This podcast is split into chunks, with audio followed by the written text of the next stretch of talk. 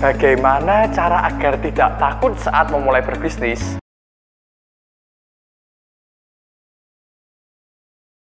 Halo guys, kembali lagi dengan saya Erik Kanadi. Hari ini ada pertanyaan yang menarik sekali dari Pak Dodi Siswanto. Hai Erik, nama saya Dodi Siswanto.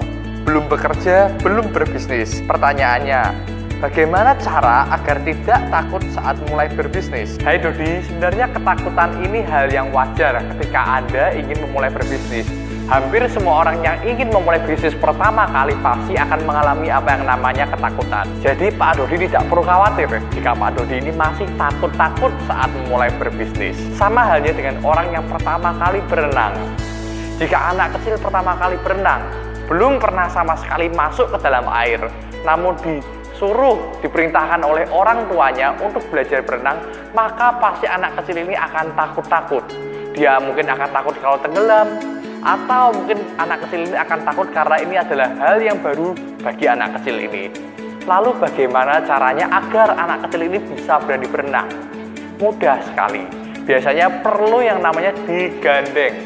Anak kecil ini butuh orang lain. Bisa jadi ayahnya, ibunya, atau pelatih renangnya. Untuk menggandeng anak kecil ini berenang, menuntut anak ini berenang sehingga anak ini rasa takutnya hilang anak ini tidak takut tenggelam atau anak ini tidak takut dengan air. Setelah digandeng, setelah berenang selama 5 menit, 10 menit, kemudian tiba-tiba rasa takut anak ini hilang. Dan anak ini akan berani untuk berenang sendirian. Sama halnya dengan berbisnis, dalam berbisnis pun kita juga bisa minta digandeng orang lain. Bagaimana caranya? Kita bisa minta support orang lain, kita bisa minta dukungan orang lain, kita bisa minta bantuan orang lain agar kita ini tidak takut-takut paling tidak ada tiga hal yang bisa kita lakukan. Yang pertama adalah Pak Dodi bisa meminta bantuan dari orang tua Pak Dodi, dari mentor Pak Dodi, atau dari orang yang sudah berpengalaman dalam bidang Pak Dodi untuk membantu Pak Dodi. Mungkin tidak harus membantu dari sisi materi, namun dapat membantu dari sisi nasihat, dari sisi berbagi pengalaman, atau berbagi support lainnya.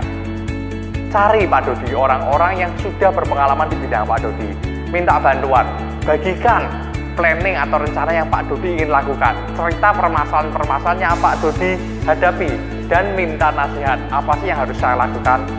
Saya kok merasa sedikit takut-takut ya. Bagaimana sih caranya untuk mengatasi rasa takut ini? Dengan demikian, Pak Dodi tidak lagi terhenti. Mungkin Pak Dodi masih sedikit takut-takut, tapi Pak Dodi berani untuk melangkah. Dengan meminta saran dari orang lain, meminta bantuan atau support dari orang lain, maka Pak Dodi akan lebih berani untuk melangkah sehingga rasa takut Pak Dodi akan sedikit berkurang dan tidak menghentikan langkah Pak Dodi untuk melakukan tindakan-tindakan. Strategi kedua yang bisa Pak Dodi lakukan adalah berpartner dengan orang lain yang juga ingin memulai berbisnis. Pak Dodi bisa mengajak teman Pak Dodi atau rekan kerja Pak Dodi atau siapa pun yang Pak Dodi bisa ajak untuk kerjasama untuk memulai berbisnis bersama-sama. Dengan demikian, Pak Dodi tidak perlu menanggung rasa takut atau resiko itu sendirian. Pak Dodi memiliki teman yang bisa Pak Dodi gandeng, yang bisa Pak Dodi ajak berbagi cerita, berbagi permasalahan, dan mengangkat beban atau rasa takut ini bersama-sama. Sehingga Pak Dodi berani melangkah dan berani untuk memulai berbisnis. Strategi ketiga yang bisa Pak Dodi lakukan adalah Pak Dodi dapat bekerja di perusahaan orang lain. Pak Dodi dapat berkarir di sana dan Pak Dodi juga dapat mencari pengalaman di perusahaan tersebut. Dengan demikian, rasa takut Pak Dodi pasti akan berkurang banyak dan Pak Dodi akan lebih berani untuk ke depannya mengambil langkah-langkah yang lebih besar. Namun, yang penting di sini adalah jangan diam, jangan nganggur. Karena jika ketakutan ini membuat kita diam, membuat kita ini nganggur, maka bakat dan talenta kita tidak akan berkembang. Jangan biarkan ketakutan membiarkan langkah kita terhenti. Namun kita harus berani dulu mengambil langkah pertama, langkah kedua, dan maju terus. Biasanya yang berat itu hanya langkah pertamanya saja. Ketakutan yang paling besar itu hanya sebelum kita melakukan langkah pertama. Setelah kita melakukan step 1, maka rasa takut itu akan pudar dengan cepat. Dan setelah kita melakukan step 2, maka tiba-tiba rasa takut itu akan hilang sama sekali. Oleh sebab itu, jangan biarkan diri kita ini diam atau nganggur.